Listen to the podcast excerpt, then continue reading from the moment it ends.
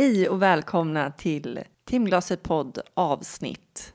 fan är det för avsnitt? 35. Hej Max. Hej Jasmin. Hur är läget med dig? Det har varit lite tråkiga dagar här med snöblandat regn och grejer. Men det har ju inte du märkt av som bara sitter inne och jobbar. Jag kan säga det att det märks väldigt tydligt när man sitter inne och jobbar också eftersom jag har fönster. Men jag håller mig inne. Mm. Däremot var jag på svensexa i lördags. Åh fan. Då var vi plaskvåta på kvällen. Du, det kan jag För tänka att det mig. snöade något helt vanligt, eller jag vet inte, man ska kalla det snö, men det var något blött som föll från himlen. Vad gjorde ni då? Olika aktiviteter och Ja, men hur funkar det med rullstol då? det gör så att man hoppar de aktiviteter man inte kan vara med på. Ja, men känns inte det lite trist bara att sitta där och bara titta på? Jag kan komma på tio andra saker som är ännu tråkigare för att man sitter i rullstol. Att man inte kan vara med och spela fotboll på en svensexa, han uppskattade det. tror jag. Trevligt. Vad har du hittat på då som det var några tråkiga dagar sa du? Men alltså det har varit väldigt växlande, typiskt aprilväder. Men jag har ändå varit ute, liksom. Varit ute och lunchat med kompisar och gjort bara Underbart. härliga saker. Trotsar vädret. Jag var på Fotografiska i helgen, det var trevligt. Ja, det är ju väldigt mycket att vara ute. Ja, eller hur? Ja. Men annars har jag varit mycket i Kungsan också, för det är så trevligt nu när träden står i blom, körsbärsblommorna vet Ja, du. jag vet inte hur många jävla Instagram-bilder jag har sett på de här förbannade blommorna och ett ansikte i förgrunden. Jag är skyldig kan jag säga. Du har fortfarande inte varit där. Nej, varför ska jag vara det? Jag på säga. Hur fick du idén till den här podden, Max? Ja, som trogen poddlyssnare har jag lyssnat mycket på Värvet och så kände jag att det här kan man ju göra med Skröppel. Så då ringde jag dig och sen tre månader senare så körde vi igång och har nu intervjuat 34 olika funktionshinder fram tills idag. Så det här blir 35. Vi börjar närma oss 80 000 nedladdningar, det är coolt. Det är trevligt. Trevligt. Ja, du har ju fått ett nytt sidojobb. Ja, om man nu kan kalla det för sidojobb, men det handlar om att jag blir representerad av en agent som heter Promoter Media. Så jag hoppas på att det ska rulla in en massa föreläsningsförfrågningar så jag får komma ut och träffa lite folk och berätta min story. Så hör ni det där ute om det är någon som vill lyssna på den här damen så är det bara att skicka iväg ett mail så kan hon komma med en fantastisk föreläsning. Gå in på promotermedia.se. Eller bara skicka hit ett mail. Ja, det kan du också göra. Är det dags att ringa Mm. Karl nu eller? Ja, just det, det ska vi göra. Carl jobbar på Immacare som är ett eh, hjälpmedelsföretag som eh, har en massa bra rullstolar som jag bland annat sitter i, Kursall och eh, andra hjälpmedel. Nu ringer vi honom tycker jag. Invacare Kameralari. Tja Carl, det är Jasmin från Timglaset här. Hej Jasmin, hur är det? Det är bra, hur går det för dig? Jo, det går bra för mig. Nu är jag... Jag tittar ut på flygplan vi ska gå på alldeles. Så det är bra. Du var mitt uppe i säkerhetskontroll och grejer här när jag ringde förut. Ja. Vart är du på väg? Tillbaka till Stockholm. Vi har varit i uh, Växjö och hållit utbildning för förskrivare där i aktivt sittande för um, äldre och svagare. Okej, Så ett riktigt bra dag idag. Hur går Ja. de till då? Ja, vi har um, en plan lite grann över vad det är man ska tänka på när man egentligen tänker på vem som helst och rullstolssittande. Men eftersom vanligtvis med, ehm, när man tänker sittande och äldre personer ger de tunga och kanske lite klumpiga stolar. Och då vill vi gärna att ehm, de personer som behöver det tar lättviktsaktivstolar som är lätt att köra och välpositionerade. Ja, det, det var väldigt bra bem- bemött. De var, ehm, tyckte det var intressant och spännande. Så en, en framgångsrik dag. Det låter ju vettigt för är man äldre och blir man ju svagare i armar och sådär också, då är det ju extra viktigt att man har en lättviktsrullstol. Absolut. Det är en liten um, motsägelsefull situation där den som är svag hamnar i en tung och svårkörd rullstol istället för någonting lätt som de kan rulla lätt och hålla sin aktivitetsnivå på ett bra, ja, hålla, hålla sig aktiv helt enkelt. Nu måste jag kliva på flygplan Mm. Ja, jag faktiskt. hör hur det låter där um, i bakgrunden. Tack för att vi fick ringa och eh, have a safe flight. Ja, tack så hemskt mycket. Ha det bra nu. Vi hörs, hej!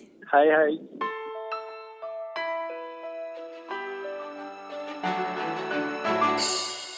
Vem är det vi ska intervjua i den här lilla podden? Idag ska vi träffa Niklas. Han var 19 år när han körde till jobbet och somnade bakom ratten. Åkte in i en lyktstolpe och bröt ryggen. Han var en lovande ishockeyspelare och passionen för idrotten var fortfarande stark efter olyckan.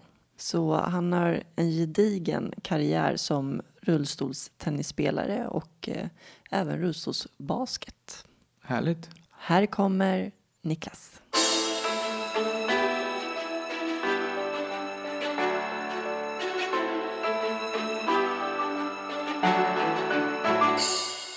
Hej Nicke Ja, och välkommen till timglaset. Tack så hemskt mycket. Niklas heter du i och för sig, men vi kallar ju det för Nicke. Hur är läget? Det är jättebra, det måste jag säga. Är det verkligen det? Ja, Är men det tycker jättebra? jag. Jag Jag, tycker- hörde någonting om axeln. Jo, förutom det. Det är väl mer eh, mentalt bra då än fysiskt bra just nu. Men det är också på bättringsvägen ordentligt. Det hände ju en olycka där jag dök på huvudet ner för en trapp i juni 2015, alltså förra året. Vad gjorde du i en trapp?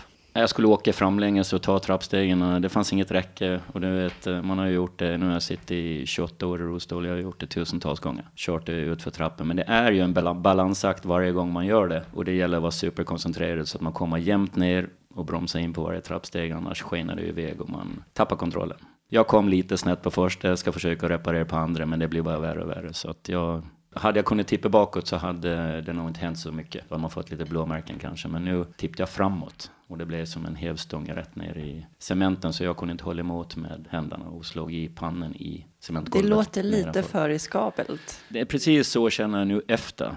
Du vill Att, väl inte få eh, högre skada än vad du redan har? Nej, exakt. Jag eh, kände väl så här att det känns ju inte så farligt att dra ner för en trapp. Eh, jag tänkte lite blåmärken är väl maximum man kan få, men när jag ser konsekvensen det här blev nu så känner jag att jag kommer nog aldrig mer ta en trapp fram längre så. Det låter som ett bra Eh, beslut. Då lät det ju ändå som du kom lindrigt undan om du slog pannan i, om det bara var axeln som skadades. Ja, precis. Det var, jag hade tur faktiskt, det tror jag. Jag tror att jag var ganska nära att att bryta nacken faktiskt. Ja, för de som inte vet det så bröt jag ju ryggen för 28 år sedan. Så armarna har jag ju haft det intakt hela tiden. Men eh, nu vid C4, C5 så klämde jag nerver. Nacken drogs bakåt och de var rädda att jag slet av nerver under nyckelbenet ut till axeln också. För vänster arm blev i princip helt lam. Och jag kände direkt att shit, det här kan vara en, ny livsomställning för mig. Så jag var rätt panikslagen faktiskt när jag drog in till SÖS och blev kvar där i åtta dagar och klarade inte att förflytt med ingenting. Det går inte med en arm, två lameben och en lamarm, då är det svårt. Och jag har ingen bålbalans heller så där, så att eh, det var kämpiga dygn där mentalt, hur det här skulle bli. Och ingen kunde svara på det heller. Men de röntgade mig och såg att jag klarade ryggmärgen med eh, några millimeter. Och eh, det naturliga hade väl varit om jag hade Eh, slått ryggmärgen att det varit lite i båda armarna, men det högerarmen var det ingenting. Men det tänkte inte jag på från början, men det är tydligen en nerv precis utanför ryggmärgen perifer nerv som det heter. Och alla perifera nerver i kroppen, de reparerar ju sig själva över tid. Så jag är under lekning nu. Nu är det ju sju månader sedan det hände och jag kunde lyfta armen mer och mer för varje månad. Det går långsamt och jag är långt ifrån tillbaka. Men nu kan jag lyfta armen helt rakt upp. Men jag får ju ta i om jag ska göra en knytnäve rakt upp i luften. Bara ta mig in och ur min bil i början var i princip omöjligt första två månaderna. Men eh, det klarar jag nu och jag, jag hoppar ju i snitt in och ur bilen fem gånger om dagen. Och tar in stolen själv och sådär. Och jag har fått hitta nya tekniker för jag kan inte använda armen så mycket och sträcka ut den så långt.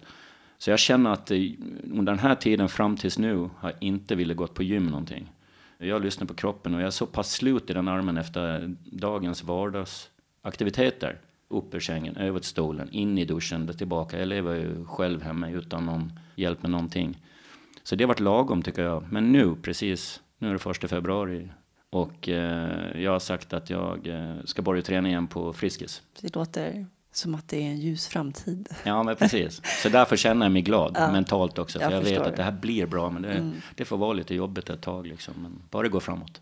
Vart föddes du? Jag är född och uppvuxen på Gotland, i Visby. Där föddes jag 1969.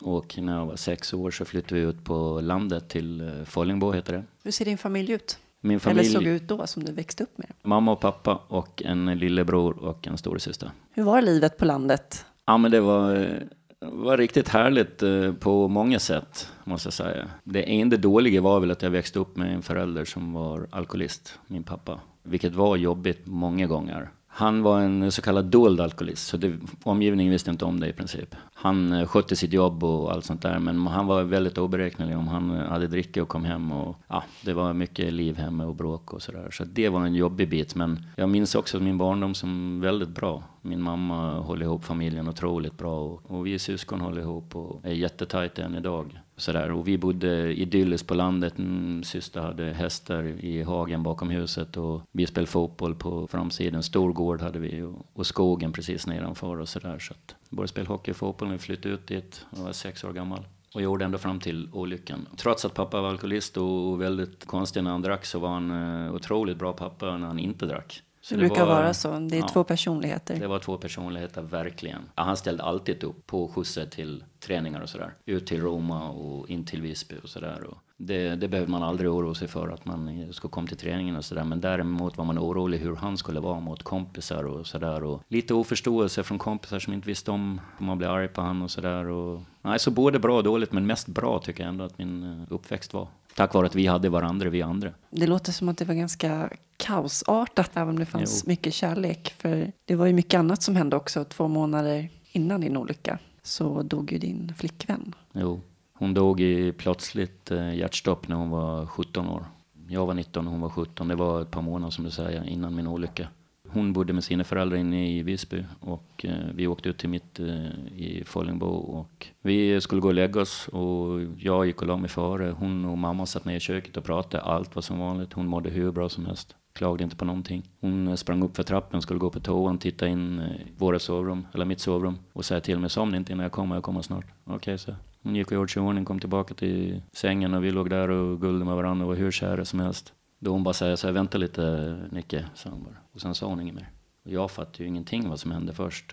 Hon svarade inte när jag pratade tillbaka och, och när, inte förrän hon blev, började bli blå i ansiktet och var helt borta förstår jag. Det är någonting som hände henne allvarligt. Så jag skrek ner till mina föräldrar att de ska ringa ambulansen. Och det mm, du måste ju ha fått panik. Ja, jag fick ju fullständig panik. Och Pappa kom upp till mig, mamma tror jag, eller om det var syrran som ringde ambulansen. Vi gjorde mun mot mun metoden och försökte få liv i henne men, och ambulansen var där på tio minuter. Det gick jättefort för dem att komma ut dit. Men de gick upp och de tog hand om henne och eh, det fanns ingenting att göra. De körde in till Visby med eh, ja, släckte sirener och lugnt. För det var ingen idé att stressa in där. Det var, hon dog på en sekund. Jag förstod det som att det jämfördes som plötslig spädbarnsdöd.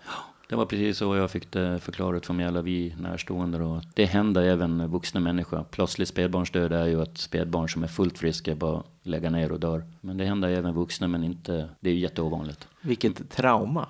Ja, verkligen. De obducerade henne två gånger och, och hittade inget fel. Och hon mådde hur bra som helst. Jag vet det. Hon skulle ha sagt om det var det minsta lilla konstigt mm. innan, men det var ingenting. Hur mådde du efter det? Ja, jag mådde riktigt dåligt faktiskt. Eh, jag sov jättedåligt eh, åt knappt och ja, förutom familjen så var hon ju mitt allt. Vi hade verkligen hittat varandra och var så här otroligt kära, lyckligt kära. Josefin hette hon va? Mm. Hur länge hade ni varit ihop? Vi hade känt varandra i ett års tid ungefär, var tillsammans i eh, knappt ett halvår innan det hände. Det låter inte så länge, men vi fick en otrolig connection. Och jag menar, jag, jag har kontakt med, med hennes eh, familj och släkt och allting än idag. Den sorgen har väl verkligen präglat ditt liv? Det har det. Det har det faktiskt gjort. Ehm, jag, eh, det tog ju många år innan jag kunde ens säga åt någon annan tjej för att jag kände mig ju som att vi var tillsammans. Vi gjorde ju aldrig slut. Hon dog ju bara ifrån mig. Så att jag, jag kunde inte gå ut på någon dejt med någon tjej och det skulle, skulle kännas som att jag var otrogen mot henne. Och, så det där var ju jättejobbigt i början och saknaden var eh, otroligt stor. Och jag tänker än idag på hur underbart eh, vi hade det, men eh, nu kan jag verkligen vara öppen och, känna att jag kan gå på dejter och, utan att känna mig skyldig så och sådär. Sen lång tid tillbaka givetvis, men faktum är att jag ännu inte har varit kär sen dess, vilket är lite tragiskt. Och har ju det bevisligen satt spår i mitt liv jag får kämpa vidare och jobba vidare. Och jag är öppen och, och kan prata om, om känslor och allt det här jobbiga. Så jag, jag, tror att det, bara, det kommer nog ändå tror jag. Fick du någon hjälp då i samband med hennes bortgång? Det kanske inte hann Nej. Gå så långt med tanke på att olyckan inträffade Nej. så kort efter. Ja, precis. Det, det gick ju två månader emellan där innan jag körde av vägen och in i ett träd och bröt Tror du att det hade någonting med din sorg att göra också? Att du liksom var utmattad helt enkelt på grund av Jo, det är jag övertygad om att det, det, var jag. Jag jobbade tidiga morgnar inne i Visby. Gick upp klockan fem och körde in till Visby. Och som jag sa tidigare så sov jag otroligt dåligt. Det här hände i maj. Sov dåligt eh, i två månaders tid och var helt utmattad av av sorg och lite sömn och, och eh, satte mig i bilen ganska utmattad och vimmelkantig och, och blinkade till vid ratten. och kom av vägen och rätt in i ett eh, träd och flög ur bilen och bröt ryggen. Då. Du frågade om jag fick någon hjälp. Jag, jag pratade mycket med familjen och sådär men jag ville nog inte heller ha någon hjälp just efter hon gick bort tror jag. Sen på Karolinska, jag flögs upp till Karolinska samma dag som min olycka var. Och där blev jag erbjuden hjälp sen efter ett tag där. Jag vet att du låg två timmar också innan du fick hjälp. Mm, på vid olycksplatsen. Ja, det stämmer. Det var ingen Va? som såg själva olyckan när den hände för det var så tidigt på morgonen. Då flög du igenom rutan? Jag vet inte, men jag tror det. Jag tror den bilen har jag inte sett sen, eh, sen olyckan, men eh, den var ju totaldemolerad har jag hört på passagerarsidan. Största smällen har tagit där, så jag tror att jag flög ur. Jag hade inget eh, säkerhetsbälte på mig. Det var på den tiden på 80-talet då det var inte rullbälten ens en gång. Det var inga lampor som tjöt om inte man hade bälte. och Man, man kör lite här och där utan bälte. Liksom. Så att jag, jag låg där i två timmar. Hur gick tankarna då? Jag minns eh, väldigt lite den här eh, perioden, de där två timmarna där i skogen. Jag, jag minns att jag tänkte att så här, vad, vad är det som händer? Jag hade aldrig hört talas om att man kunde bryta ryggen eh, i en bilolycka innan det här hände. Så jag försökte ta mig upp där från marken där jag låg. Och var, varje gång jag försökte ta mig upp så svimde jag av för att ja, ryggen var ju av. Nio revben var Hur hittade de dig? Det var, eh, först och främst så var det en gammal dam som, det var en som hörde olyckan hände, att det small till någonting. Och hon bodde på andra sidan vägen. Så hon öppnade dörren och eh, har inte ett ljud, det är helt tyst i skogen. Jag var väl till och från medvetande hela tiden så jag, jag låg ju inte där och skrek i smärtor. Eh, hon stängde bara dörren och gick in igen och sen kom det några vägarbetare. Sju tiden tror jag det var då, om det här hände runt fem. Så de fick se det att det stod en bil där inne i skogen och gick in och, och hittade mig och ringde ambulans. Och väl på sjukhuset. Jag åkte in till Visby lasarett och där eh, så såg de att eh, jag var så trasig inombords att eh, det här var ingenting de kände att de hade kompetens att ta hand om. Så jag flögs upp med helikopter samma dag till Karolinska och där blev jag kvar ett halvår. Och sängliggande blev jag en månad tror jag drygt, som jag inte rörde med någonting. Fick inopererat två Harringtonstag som det hette, 40 centimeter långa järnstag på varsin sida om ryggen. Så det är ju i princip hela ryggen. Snyggt R. Ja, mitt ärr på ryggen är inte snyggt kan jag säga.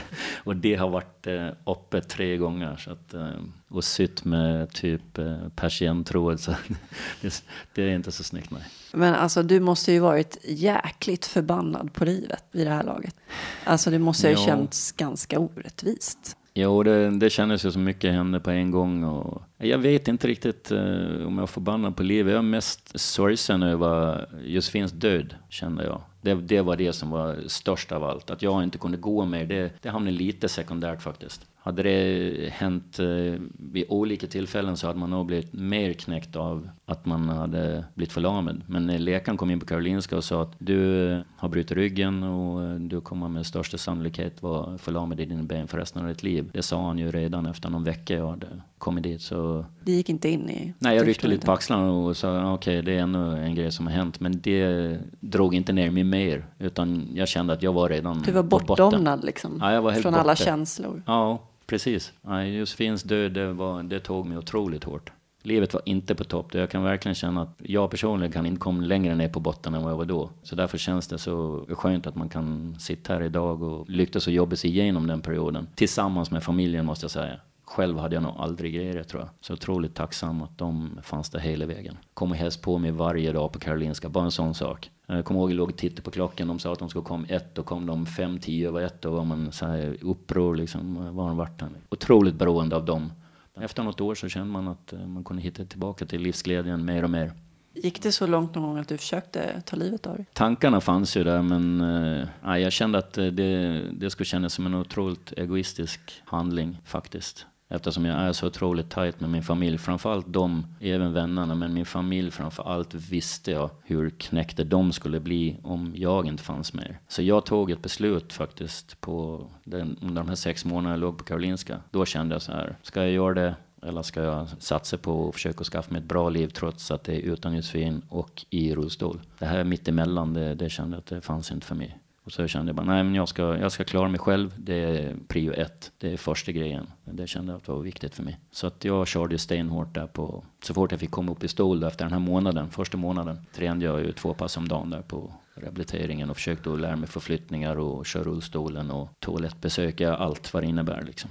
Det gick ganska snabbt för mig ändå. För jag hade ju turen att ha armarna kvar då. Vilket år var detta? Juli 88 hände det och jag låg kvar fram till jul 88. Jag brukar alltid be er beskriva din funktionsnedsättning. Kan du beskriva den för oss? Jag är eh, totalförlamad i benen, T8, vilket är mitt på ryggen kan man säga. Så lite ovanför naveln så börjar min funktionsnedsättning. Där är den inte total. Det är inte svart och vitt, det är inte som att dra ett streck runt kroppen och sen full funktion över och ingen funktion nedanför, som många tror. Det, den där börjar den avta och blir sämre och sämre både muskel och känselmässigt. Och sen nere i benen så är det noll muskelfunktion och noll känsel. Men jag har spastiska rörelser i musklerna så att jag är inte helt förtvinad i benen utan de är ganska mycket muskler på dem. Och så ska vi säga att du använder rullstol också. Ja, det är manuell rullstol. Men du, ishockey, det var ju passionen i ditt liv har jag förstått det som. Att sporten var viktigt för dig. Det måste ju varit en del av din identitet. Jo, både hockey och fotboll fram till jag var 15 i alla fall. Jag började när jag var sex med båda sportarna och det var ju i princip umgås med familj, vänner och gå i skolan och spela hockey och fotboll. Det var ju vad livet bestod av. Det var ju i princip varje kväll så åkte man ju på träning. Och sista fyra åren innan olyckan hände så spelade jag bara hockey då. Och det var ju stora drömmar med det och elitseriespelare och bli NHL-proffs, det var ju det man ville bli. Var du duktig? Hade du haft någon chans? Man vet inte, det, det är mycket som ändras och sådär. Men jag vet att jag är otroligt envis. Så att en bit hade jag kommit, men sen hur långt jag hade kommit, det har jag ingen aning om. Svårt att säga. Mm. Hur tänkte du då efter olyckan när det gällde sporten just? Då efter jag hade tagit det här beslutet på Karolinska att nu ska jag köra på, då, då kände jag att en viktig grej i det här, det är att jag hittar en idrott och fortsätter med. Eftersom du sa att det, det var en stor del av min identitet. Och jag ville ju bo på Gotland då. Då var jag ju, ville jag vara nära familjen och så. här. Där finns ingen lagidrotter. Så jag kände direkt att det får bli en individuell idrott. Testa allting egentligen. Det finns ju källhockey, det testade jag inte. För då kände jag direkt att det ligger lite nära hockey, men det är långt ifrån hockey. Så jag tror att jag bara skulle bli påmind om hur mycket jag saknar hockeyn om jag gjorde det och känna att jag inte kunde göra samma grejer som förut. Och med min bålbalans och så här. Jag bara känner, nej, det vill jag inte ens pröva. Det är än idag inte pröva en enda gång faktiskt. Rullstolsdans, Jasmin, kan det vara något? Nej tack. jag avstår. Ja, du var dansare Nej, innan. Ja, precis. Så jag känner igen Jag känner mig igen. mycket just det här med identiteten. Jag var dansaren Jasmine, liksom fanns ingenting annat. Det var det jag var bäst på. För mig var det att använda alla muskler i hela kroppen och uttrycka mig på det sättet. Det finns liksom inget alternativ till det. Jag vill inte ens gå och titta på dans. Jag tycker inte att det är roligt. Det är bara att vrida om kniven. Ja, och då kände vi likadant där. Så jag, jag, jag testade det mesta och köpte en friidrottsstol och låg hemma på gotländska vägarna och pumpade på med det och bara tänkte att vad håller jag på med? Det här var inte alls min grej. Jag vill eh, hålla på med någon bollidrott. Jag tyckte inte att det var kul att springa långt innan jag skadade mig heller. Så nej, friidrott var inte min grej alls. Men så tennisen var ju ny i Sverige på den tiden när jag skadade mig. Det var nästan ingen som visste vad det var. Rullstolstennis pratar vi då Ja, om. precis. Det var någon som hade testat i Sverige innan, men jag var ju egentligen med sen det började bli lite organiserade tävlingar i Sverige. Då var jag med sen start. Inte, Det är att, det var, inte, inte att det var jag som kom på det, utan, men jag var med i alla fall på de första tävlingarna i Sverige. Då har du sett hela utvecklingen. Ja, det har jag gjort. Och det har ju varit en otrolig utveckling. På vilket sätt då? Det har ju gått från eh, kanske ett par tusen spelare i världen till 20 000 spelare säger de att det är nu i världen. Kan man leva på det? Det kan man göra. Jag har spelat heltid eh, i många herrans år. Jag spelade i landslaget i ja, över 20 år. Det är inte lätt att leva på det, det ska jag inte säga. Då ska du vara ja, topp 10 åtminstone. Kanske till och med topp 5 om du ska känna att du tjänar bra pengar på det. Vi har prispengar men de är ganska låga jämfört med vanlig tennis. Det är ju kostsamt att ligga ute och spela på touren. Och man måste åka minst en gång i månaden på touren. Jag åkte en till två gånger i månaden. Så det var hela tiden en, ett jagande efter sponsorer till resan och sådär. Hur högt rankad blev du? Jag blev som bäst 11 i världen i singel och i dubbel. Så jag spräckte aldrig det där topp 10 som var ett stort mål i många år. Men med min typ av skador så var jag jäkligt nöjd i alla fall. Jag är det nu i efterhand att jag kunde komma så långt som 11 i världen. Jag spelar ju alltså då mot en som har kanske amputation under knät på ena benet. Alla måste sitta i rullstol och spela, men ni, ni förstår vilken fysisk fördel det är att kunna sitta högt som de kan göra i serven. Ja, alla musklerna i magen Alla och muskler, ja. Precis. I ryggen alla och- ytterlägen blir man starkare och man kör ju snabbare och allting. Det finns ju nästan ingen annan idrott som man kör olika skador så mot varandra på exakt samma villkor. För du har ingen bollbalans. Nej, jag har eh, lite, lite som du och jag pratade lite innan vi började spela in. Om man tänker sig sixpacket så har jag de två översta. Two-pack. Ja, jag har Eh. two-pack. two-pack Shakur. och de andra fyra är helt lama. Så det räcker liksom inte för mig att, att kunna göra en sit-up till exempel. Men det, det gör ju att jag måste sitta väldigt lågt i min tennisstol och vika ihop mig lite för att hitta balans då. Och ju lägre du sitter, ju högre upplevs ju nätet och ytterlägesstyrkan och stålkörningen, allting. Där har man ju jobbat i motvind i många år. Du hade ingen erfarenhet sedan tidigare av att spela tennis, eller? Ja, alltså inte tävla. Eh, Det enda jag tävlade i det är hockey och fotboll innan. Men däremot så tyckte jag det var kul att spela tennis på somrarna med kompisar och sådär. Så att jag hade ju koll på det lite grann sådär. Var inte duktig kan jag inte säga eftersom man spelade bara så få gånger. Alltid tyckte att det var kul. När jag testade Roslags första gången då kände jag bara direkt. Då satt jag med så, jag hade en sån här korsett för, förresten, en plastkorsett över hela överkroppen. Så jag var ju jättestel och långsam i stolen. Och fick öva en boll här och där. Det var ju inget spel att snacka om i början. Men jag kände direkt ändå att det här är min idrott. Det här är kul redan nu. Och då kan det bara bli roligare när jag blir bättre och bättre. Jag läste någonstans att du hade slagit någon slags VM-rekord eller varit med i flest VM. Ja, jag har ju ett världsrekord. Det är lite kul. Det var väl 2011. Jag la ju av nu, 2013 så la jag av. Eh, så jag spelar inte längre på elitnivå. Men 2011 så var jag spelade lag-VM i eh, Sydafrika. Och då gjorde jag mitt eh, 22 VM. Det går då en gång om året. Så då ska du hålla dig på landslagsnivå, vilket innebär att du ska vara bland de tre, fyra bästa i ditt land under en sån lång period då, som 22 år. Och det lyckades jag med. Så 22 VM har jag och det har ingen annan i världen gjort av de här 20 000 spelarna. Så vi får se hur länge det står sig, men Finns det ens någon vanlig tennisspelare som håller så länge? Nej, jag har svårt att tänka mig att eh, det finns någon. Om man ser på Björn Borg som la av när han var 27 år gammal. Så han hann ju inte ha en jättelång karriär. 15 år kanske. Det är gediget. Grattis till det, hörru. Ja, tack. Hur många medaljer har du? Vad har du tagit för någonting egentligen? Vad, hur ser meritlistan ut?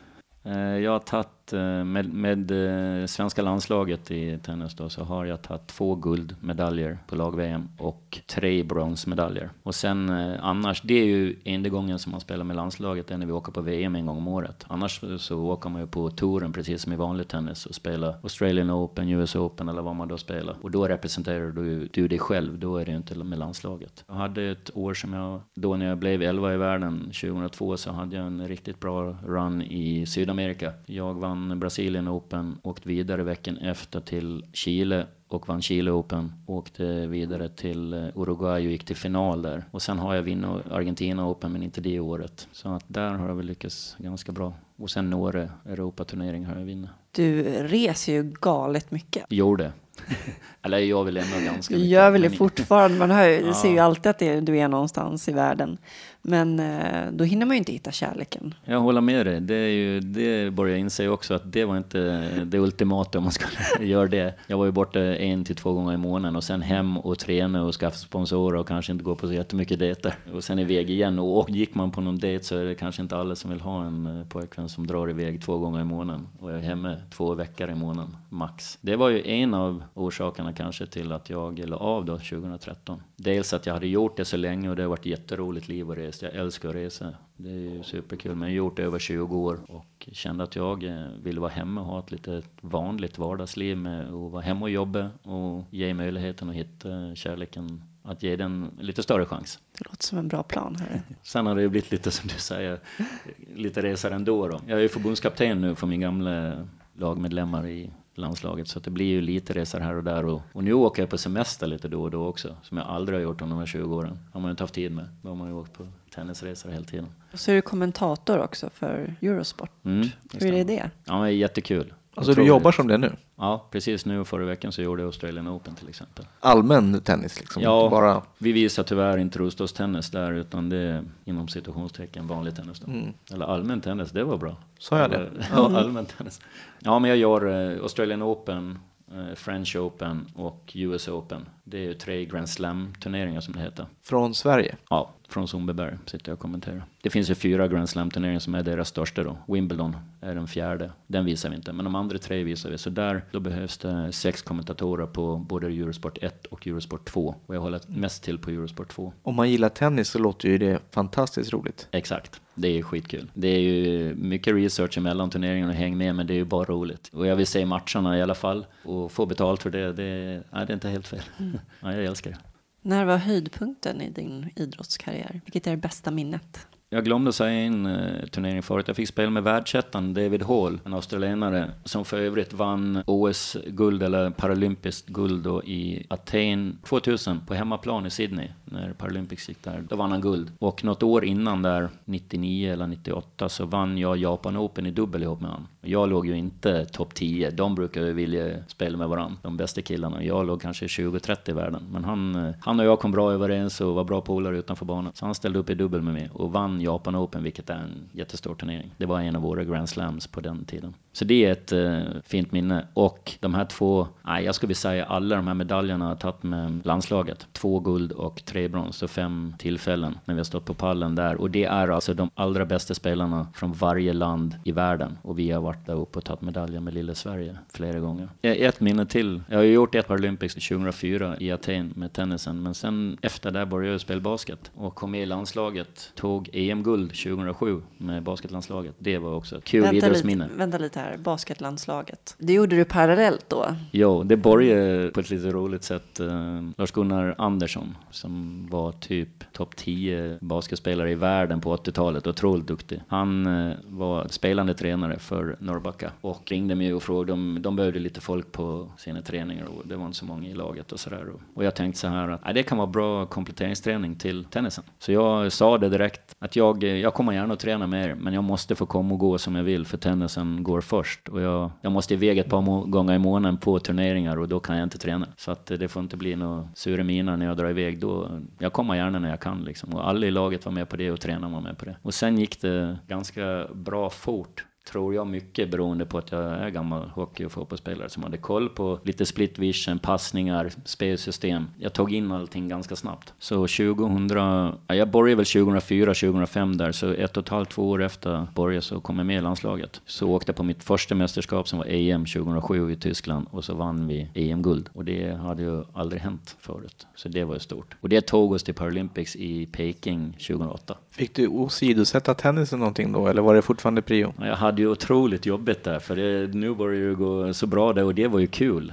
Men eh, det var en lagsport ju, också på ett annat sätt. Ja, precis. Som jag hade saknat. Lite omklädningsrumssnack och vara med lagkompisar och allt det här. Även om på tennisen man åker på turneringar och har kompisar där så hade jag ändå saknat lagidrottsgrejen lite grann. Så det var ju otroligt kul. Men det blev ju svårt där. att ligga på en eh, landslagsnivå i två idrotter, det är inte lätt. Mentalt blev det jobbigt kände jag. För att eh, det kunde vara en vecka som det är träningsläger med landslaget samtidigt som jag har en eh, stor turnering i, ute i världen någonstans i tennis. Så när det krockade så här så kände jag lite ångest och jag, jag fick ta med mig basketboll i, på tennisturneringarna i världen och leta upp en basketkorg och åka och, och skjuta och köra liksom. Ja, det var kravet från landslagscoacherna då. Och det förstår jag ju de också. Jag miste ju all basketträning annars på en hel vecka när jag var iväg och det, det kan man ju inte göra när man spelar på landslaget landslagsnivå.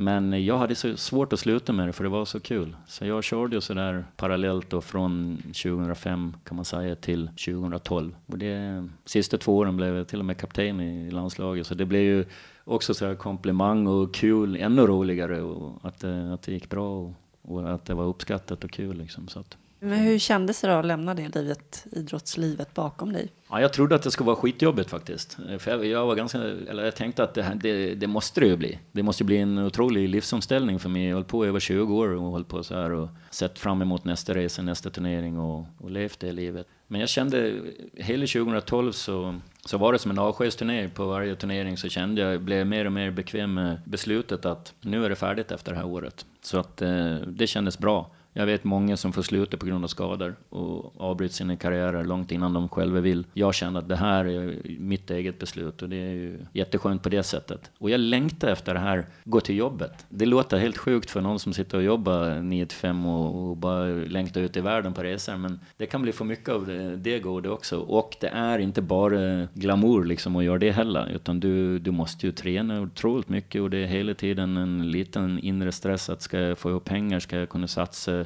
du, du kunde aldrig arbeta riktigt i lugn och ro liksom, på, den, på den fronten. Utan och resandet, resandet ja. i sig sliter ju ja, förstås. exakt, det gör det. Reser runt med två rullstolar och bagage i, i världen. Flyga i rullstol är ju vidrigt. Ja, det, ja. det tycker du? Ja. ja. Ja, det är ju inte... Det är ju inte så jäkla kul att bli kissnödig där uppe. Nej. Man sitter längst in. Du ska veta att jag Jag har varit i Australien 19 gånger och spelat. Det måste vara en tuff 19 resa. år i rad åkt dit och spelat Australian Open. Det, ja, den är ju otroligt tuff. Alltså det är ju så långt man kan åka nästan. Det, det är 21 timmar effektiv flygresa. Mardröm. Ja, röven mår inte bra. Plus att, eh, det jag ska säga med toalettbesöken hela 90-talet, alltså jag gick ju inte på toa någon gång på den trippen. Alltså vi kunde ju ha ett stopp i, i Thailand eller någonstans, eller halvvägs. Jag ty tyckte bara att det, det blir för jobbigt. Så jag torkade ut mig dagen innan jag skulle åka, drack jag knappt någonting, drack ingenting.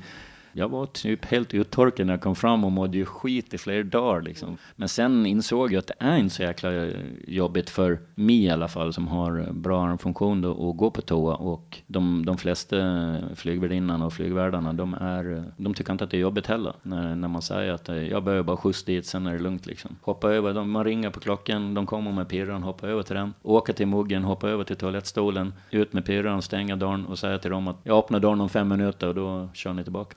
Men eh, det finns faktiskt till och med på ganska, fler och fler nu handikapptoa på flygen. Jag har hört det. Alltså de slår ut, det är två toaletter, de är ju ganska små, men de, de, det går att ta ner väggen emellan så du, du har två toaletter för dig själv och då kan du köra in hela pirran, stäng dörren bakom dig. Så du är inne med pirran på toaletten, vilket det älskar jag ju. Det man ska passa sig för om det är eh, folk nu som lyssnar och Tips från Nicke. Ja, det är drick inte kaffe. Gör inte det innan ni går ombord och gör det inte under eh, flygfärden och inte te och inte sprit. Det är så Alltså, fruktansvärt urindrivande. äckligt ändå, det kaffet som serveras. Ja, precis. Det kan man vara utan. Men sprit, te och kaffe, det är ju urindrivande. Så att, eh, skit i det. Och drick vatten, det är det man behöver. Liksom.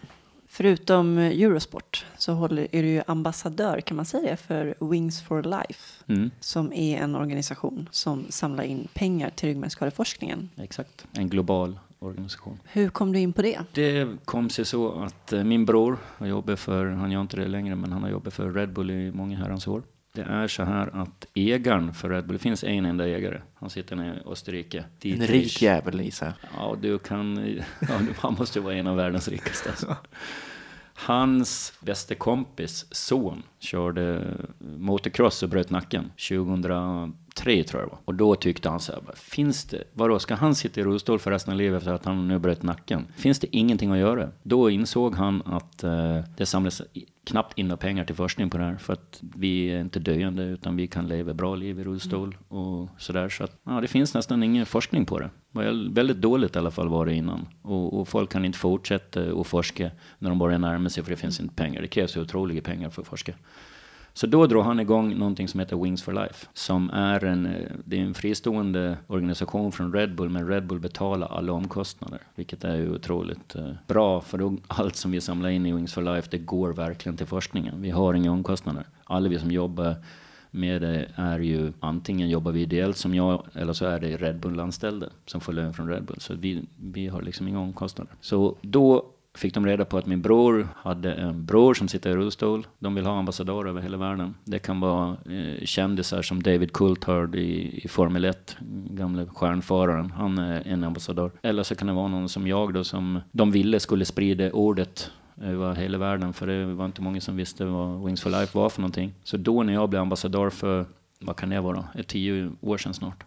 Och, och då sa jag så här, men jag, jag håller på att satsa på tennisen och dra igång några insamlingar och sådär. Utan, nej men eh, om du kan liksom nämna vad vi är för någonting när du blir intervjuad, för det blir man ju med jämna mellanrum som idrottsmänniska så. Eh, och försöka få ut det så mycket som möjligt i media och, och sådär och göra folk medvetna om det och berätta om det när du är ute på turneringar och sådär. Och det, det gjorde jag mer än gärna. Så så började det. Och sen har det ju blivit eh, mer och mer nu då. Alltså jag blev varse om det. Tror Två, var tre år sedan? Ja, vi vart det samtidigt när det var plakat över hela jäkla stan.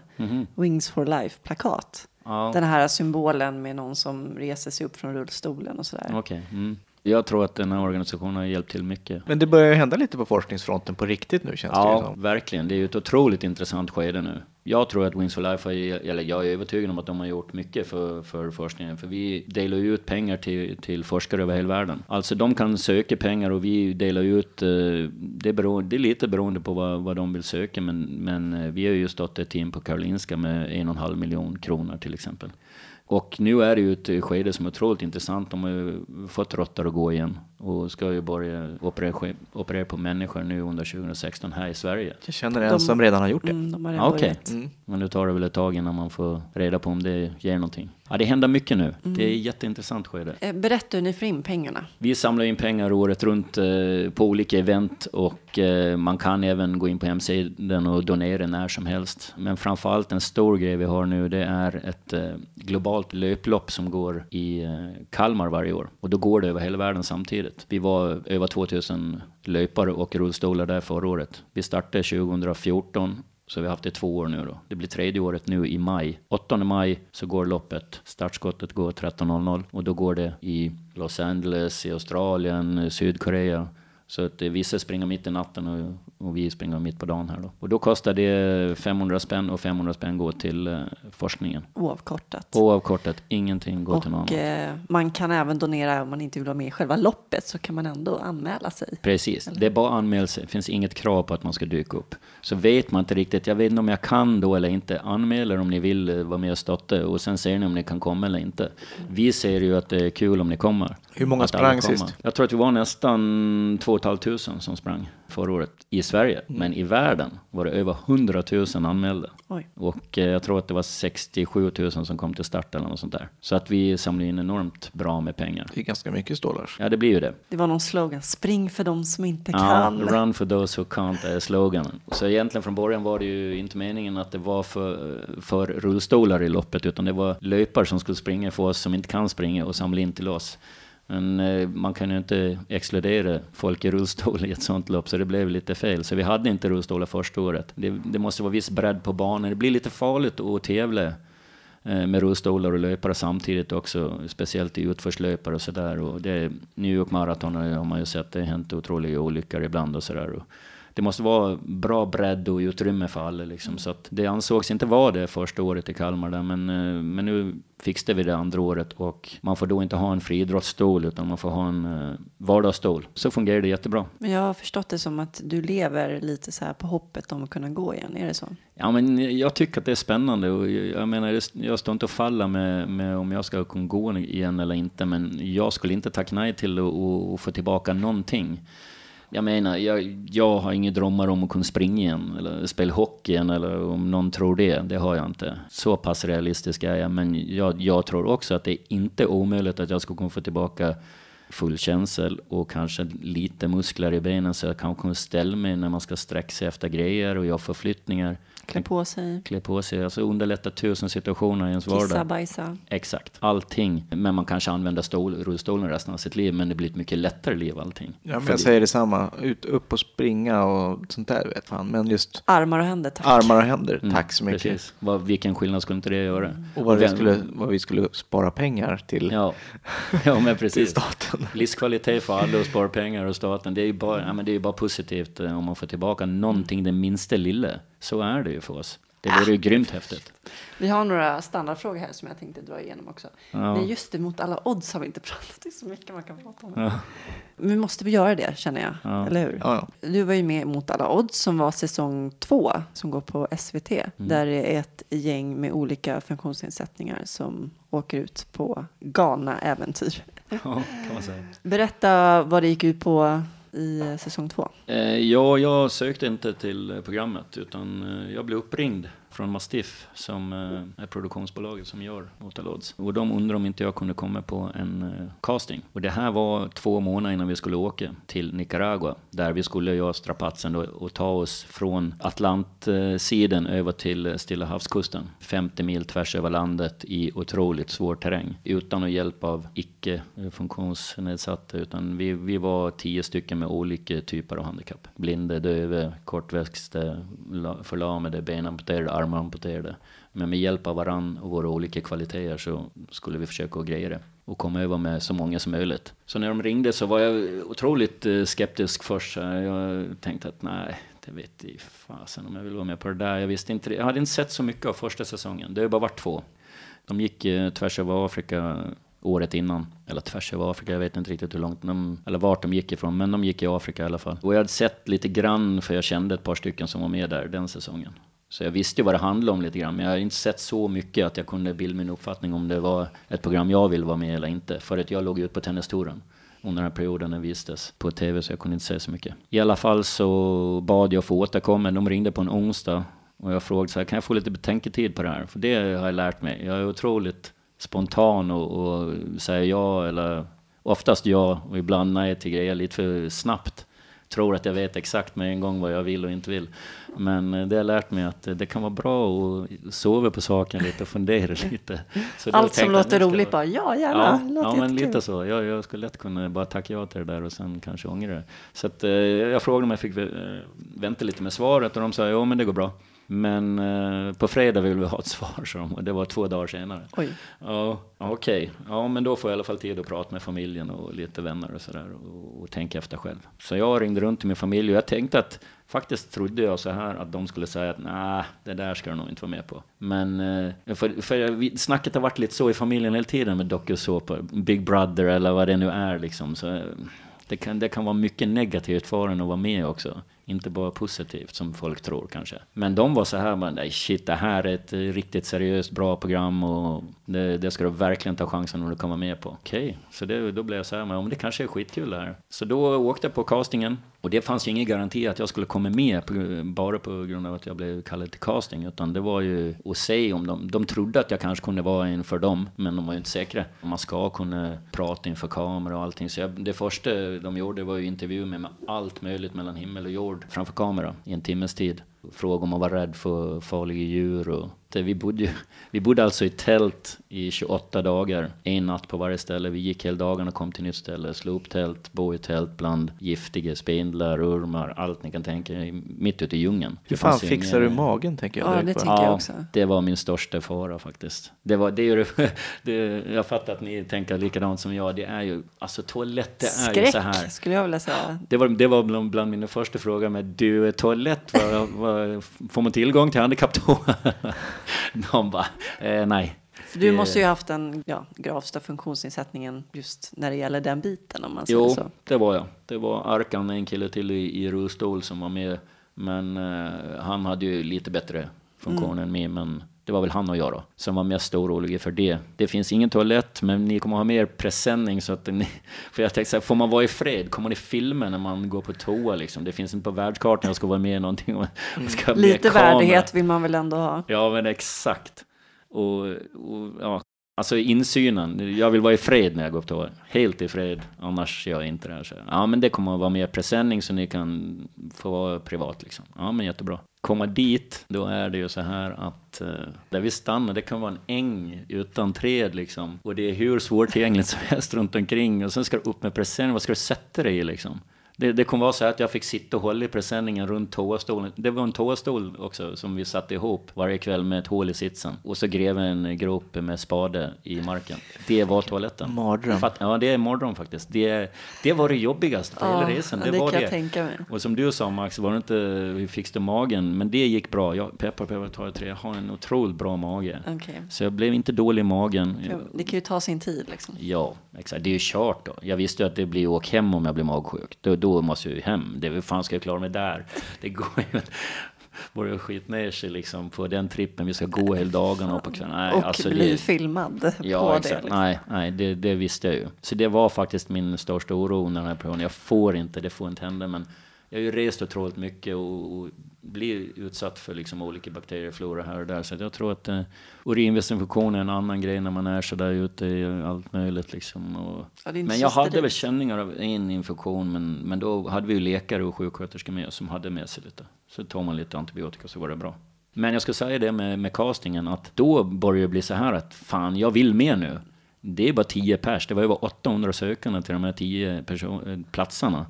800? Ja, det var ju 800 och då stängde de ansökningarna Det är för många skröpel. Alltså. att... Ja, det är sjukt många. Hela armé liksom. Ja, men det blev så populärt tror jag efter första eh, omgången. För att den var så bra. Det var en miljon tittare per avsnitt. Det blev otroligt populärt första omgången. Och, eh, men då stängde de antagningen, eller i- anmälningstiden tidigare än vad de skulle. För att de kan inte ta emot fler och intervjua. Kan tänka er vilken tid det tar att intervjua 800 pers. Men då hade det i alla fall, hade de bara hittat 8 av 10 det var i maj i alla fall som de gjorde det och det här var ju i september. Då hade de lite eh, panik för de, det var två platser som inte var tillsatta liksom. Så därför ringde de runt. Eller de åkte ut till mitt basketlag gjorde de. Och då var inte jag där på träningen och ingen där ville åka på casting. Men de sa att vi vet en som ska passa perfekt för det här, så de i mitt lag. Ni ska ringa till Nicke liksom. Okej, okay, så det var därför de ringde upp mig. Men då gick det så långt att nu vill jag verkligen med. Och då sa de så här, det, det är mycket som ska stämma liksom för att du ska komma med. Så fick man gå till psykolog och det var fystest och det var en med det andra. Man var tvungen att övertyga både Mastiff och SVT och man var rätt person för det där. Men till slut så gick det. Det var bara några veckor innan vi skulle åka, så tre veckor innan vi skulle åka fick jag reda på att du, du kom med. Och sen åkte man ut till Arlanda och hälsade på alla Open. Jag kommer ihåg jag hälsade på Petra. Vi kände ju inte, ja, Arkan hade jag träffat på basketträning innan, men de andra visste inte vem det var och vad de hade för handikapp. Så jag hälsade på Petra och sa Niklas och hon svarade inte. Jag bara shit, det var ju lite otrevligt. Men hon, hon är ju döv, hon hörde inte vad jag sa och, och pratade inte. Så det var speciellt, kände inte de andra överhuvudtaget. Så det kunde ju blivit hur som helst det här, men det blev ju skitkul. Hur kommunicerade du med Petra då? Alltså det roliga är ju att eh, jag, det var ju en av dem som jag blev tajtast med. Jag har aldrig umgåtts med någon döv eller en blind förut, för den delen heller. Vi skrev. Hon hade med sig papper och pennor och satt och hade långa diskussioner på, på kvällarna som man skrivkramp typ. Otroligt intressant människa och, och rolig att prata med. Så att, och sen hade hon med sig så en liten pappers, eh, ja vad ska man säga, som en liten, liten bok med, med de enklaste tecknarna på teckenspråket. Jag kunde ju inget teckenspråk. Ja, innan jag hann lära mig någonting av det där, då hade det, den trasig sönder i bitar, för det var så otroligt fuktigt där. Mm. Så jag la den i fickan under rullstolen och sen var den trasig dagen efter. Så det var ju så här 37 grader dygnet runt. Otroligt fuktigt. Men jag tyckte det var häftigt när eh, Jocke och du samarbetade med varandra. Mm. Han puttade på dig. Han kan ju inte se, han är ju helt blind. Och du vägledde honom då. Mm. Ja, det var, det var ju värsta häftigt. teamet. Ja, det var Va? också skitkul. Det var imponerande alltså, att se. Jocke och jag hade ju så jävla kul där. Nej men precis, ja, det var en av grejerna jag sa på castingen också. Att jag, vi ska ju hjälpas åt där, men jag känner att jag, det blir de som måste hjälpa mig ganska mycket. Vad kan jag hjälpa till med liksom, när vi ska igenom svår terräng? Jag kan inte hjälpa till någonting då. Nej, men du kanske kan göra andra grejer. Det kan vara att en, en blind som behöver din hjälp med grejer, enkla grejer som du tycker är enkelt och, och sådär. Och det kan vara någon med dåliga händer som du kanske behöver hjälp Och det, det var så. Det var ett bra exempel med att han fick ju inte ta med sig blindkäppen och hunden eh, till Nicaragua, utan då var det ju perfekt att han sköt på mig och jag sa att nu Jocke får du ducka, nu kommer en gren och nu ska vi vänster, nu ska vi höger. Så att han tyckte det var kanon liksom. Det är schysst att du fick ha med rullstolen då med tanke på att han inte fick ha sina hjälpmedel ja, med sig. faktiskt. Ja, annars hade han inte. Bara kravlat sig fram på armbågarna. Ja. Men det var också tur att, vi, att, inte, att det inte var min vardagsrullstol jag skulle ha, för det hade inte gått. Alltså jag åkte av 500 kilometer vi skulle gå så åkte jag en kilometer i djungeln med den här manuella stolen och jag var helt färdig. Det är liksom små gångar med vallar på sidan så jag fick köra på ett hjul liksom och, och trögt som bara den. De här små framhjulen fastnade varje centimeter. Så jag tänkte bara shit, hur ska det här gå? Även att du får hjälp, men du kan, det går inte att skjuta på en manuell stol. Framhjulen bara kör fast hela tiden, du vet. Men så fick vi ju sån här som vi kallade djungelstolarna då, med stora framhjul och stora bakhjul och mountainbike-däck. Då blev det bra, då gick det. Var det värt det? Ja men helt klart. Många frågar mig, ska du göra det igen? Och det säger jag direkt att nej, absolut inte.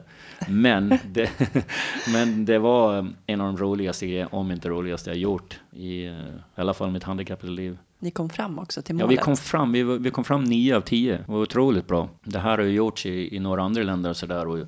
Det var vanligt att det var sex, sju som eh, kom fram och, och kanske färre än så också. Så att nio av tio och hon, eh, kortväxten Maria, hon blev magsjuk dag två och kunde inte vara med på grund av det. Så att ja, 9 av 10 från dag två av de här 28, det, det var ju otroligt bra. Att vi klarade oss allihop. Och, och, nej, det var skitkul. Och det, var ju, det roliga var ju att det var så skönt gäng liksom. Vi var otroligt positiva människor som de har tagit ut. Det, det måste jag säga. Det var ingen som höll på och gnällde och tyckte att det var jobbigt och det har man inte orkat med. Vi var faktiskt inte ovänner eh, en enda gång tyckte jag. Så här. Det kunde väl vara lite så här, något litet gnäll på att någon var lite lat någon gång och inte gjorde lika mycket som någon annan. Men det var, det var ingen som grälde eller bråkade eller någonting så här. Just vi tio eller nio som vi var största delen av tiden då. Vi hade otroligt bra sammanhållning tyckte jag. Var det nära att du gav upp? Nej, mm. inte en enda gång. Alltså, jag hade inte en tanke på Ken. Det är alldeles för envis för och jag visste innan att det kommer att vara jobbigt det här. Det var ju någon annan som var på väg hem sådär, men det var Talvi och, och Pepte så var det bra igen. Så ingen, ingen åkte hem. Vad saknar du mest från livet innan Alltså jag älskar att vara på, på stranden. Springa omkring på stranden och springa i havet och, och hålla på med lite strandspel eller sådär. Det kan jag sakna. Jag var ju i Florida nu, såg du det? När Jag tänkte säga det, vilken jäkla beachstol alltså. Där får man alltså låna en elrullstol som har beachhjul så den tar sig fram hur bra som helst på i sand, i tjock sand alltså. Ja, Jag såg att du njöt där nu. Ja, men så fri har jag inte känt mig på stranden på eh, 28 år sedan jag skadade mig. Alltså. Det, var, det var jävligt coolt. Alltså, jag och syrran ska ner på stranden. Jag kör ner, det är 200 meter ner till vattnet. Jag kör ner i den här sanden som är tjock och jobbig som bara den att dra mig igenom. Och kör ner, där finns det en solsäng. Hoppar över till solsängen, lägger mig och solar lite. Och känna känner att det börjar gå på toan. Det är bara att hoppa upp i den här stolen och säga till syrran, jag, jag drar på toan. Och, och komma ner igen, lägga mig en stund. Nej, jag känner inte för att ligga nu. Ta en promenad längs med stranden. Bara sån här grejer har man inte gjort på alla dessa år. Man har blivit neddragen av några kompisar eller familjemedlemmar. Och sen har man ligger på den här solsängen några timmar. Eh, bäst fall bada någon gång om någon har kastat igen i havet liksom. Men man är jäkligt låst där. Här känner man sig så otroligt fri. och skitskönt. Och den får man alltså låna, det är kommunen där som har ett par stycken sådana på South Beach, Miami. Och där kan man låna den hela dagen, gratis. Otroligt bra. När fick du beröm senast? Första jag kommer att tänka på nu, jag fyllde år i fredags och eh, jag fick så mycket hälsningar på Facebook eh, och vissa gratulerar inte bara utan säger vilken bra person de tycker att man är. Så det, så det var ju kul att gå igenom alla de kommentarerna. Jag får både ris och ros när jag jobbar på Eurosport, när man jobbar med Jaså? tv så där så är det, men eh, jag tycker att jag får mer och mer ros än ris. Vad är lycka och vad betyder lycka för dig? Lycka för mig det är att må bra och att eh, mina närmaste mår bra. Känner mig nyttig och att det går bra med de grejerna som jag gör. Då känner jag mig lycklig. Vad betyder frihet för dig? Frihet för mig är att jag kan göra de sakerna jag vill. eh, Och att jag eh, klarar mig själv. Att jag har min egen bil och kan dra iväg vart jag vill. Och att jag kan resa ut i världen vart jag vill ensam. Om du fick leva om ditt liv, skulle du göra någonting annorlunda då? Mm, oj, vad svår fråga. Jag, jag tycker att mitt liv, även om det har varit eh, många svåra stunder, så har det format mig till den jag är idag. Så att eh, egentligen så vill jag väl inte ändra på det. Jag, jag önskar att jag kanske hade haft mer kunskap om hur jag skulle få liv i Josefin när hon dog mitt framför mig, eller min famn. Om jag kunde ha gjort något mer. Det kan jag väl känna att eh, Vad sa läkarna då? Hade du kunnat det? Vet inte, de har inte sagt så mycket. Jag kunde ju till exempel inte hjärtmassage. Jag var 19 år, jag visste inte hur man skulle göra. Så det är väl i så fall det. Något annat kan jag inte känna så här att jag skulle ändra på. Jag ångrar ingenting.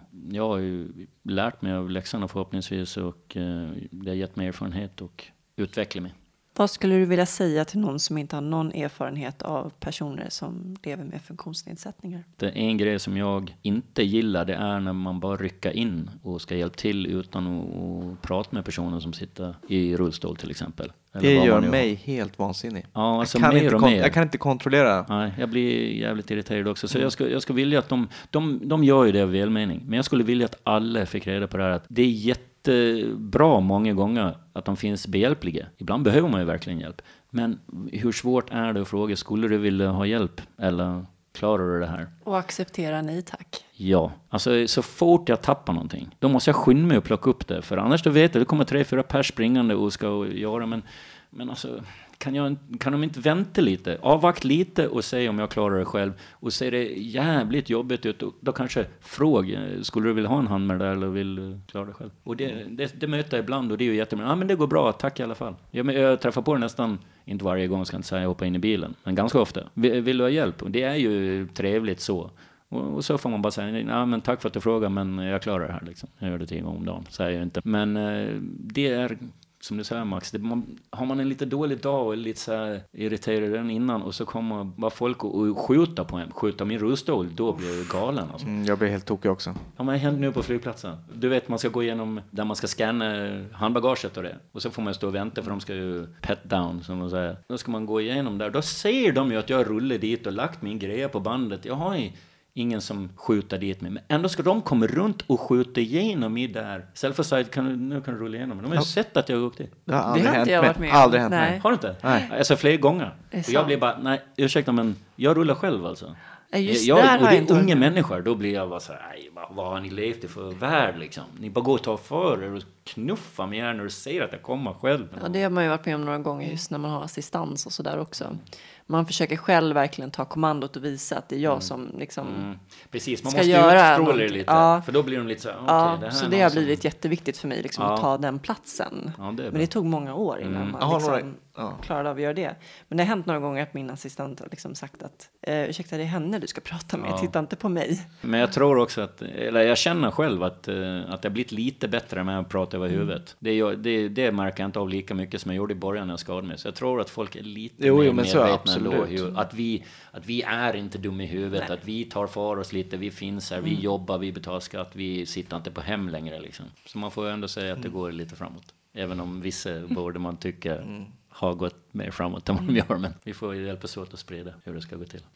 Vad ska du göra resten av kvällen? Jag ska åka till eh, Saltsjöbaden och se min brorsa spela hockey. Hur känns det att se honom spela hockey? Ja men det är faktiskt bara kul. Nu känner jag inte så... Alltså det gjorde jag egentligen inte heller direkt efter. Jo det var, det var jobbigt att se mitt lag spela, det var det, att, att den kunde vara med och sådär. Men det, det gick över ganska fort. Och speciellt när det är brorsa och, min brorsa och eh, lite kompisar. Han var 13 år, min bror, när jag var med om olyckan när jag var 19. Och eh, jag var ju hans förebild och idol i hockeyn och sådär. Han kunde gå, åkte med in i träningar när han var så här sex år och ha en kasse hockeygrejer med sig, och satt sig på läktaren och bytte om och satt sig och tittade på mina träningar. Uh, ja, han skulle ju sluta då. När, när jag låg på Karolinska då kom han in och sa nej men nu ska jag lägga av med hockey också. Du kan inte spela, då ska inte jag heller spela. Så då sa jag till honom, nej men nu måste du spela för oss båda två. Och det gjorde han faktiskt, han fortsatte. Tack så mycket Nicke för att du är så öppen och delar med dig av ditt liv. Tack så mycket själva, jättetrevligt att vara här.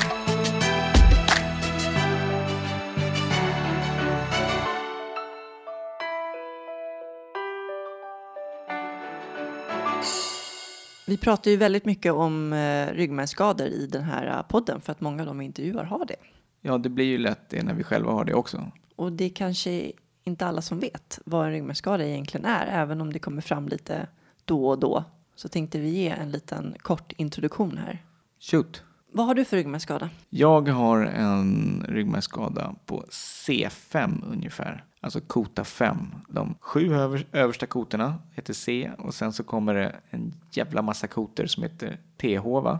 Yes. Som jag vet inte hur många det är. Och så längst ner vid ryggens slut så har vi L-kotorna, eller hur? Precis. Eh, Har man brutit på C, de översta, då får man oftast en tetraplegi som gör att de, alla fyra lemmar är påverkade. Som både du och jag som är förlamade i, i händer och armar. Så C5 betyder att femte kotan är bruten.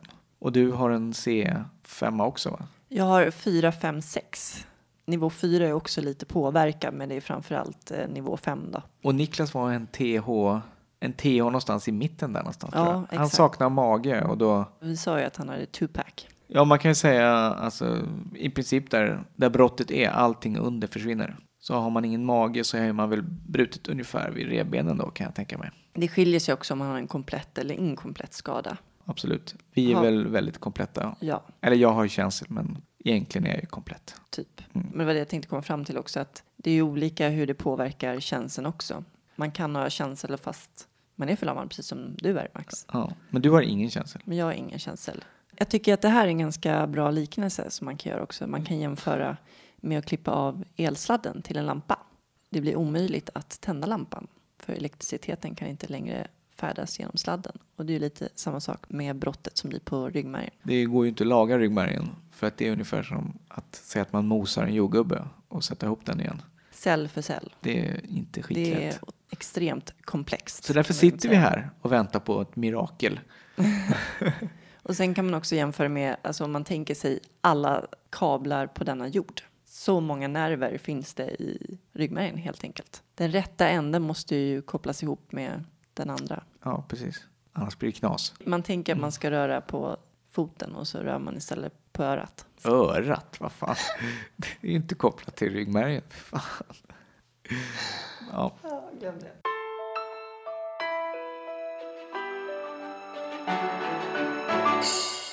Jag vill också passa på att tipsa om jultorget, mässan, hjälpmedelsmässan som är 24 till 25 maj.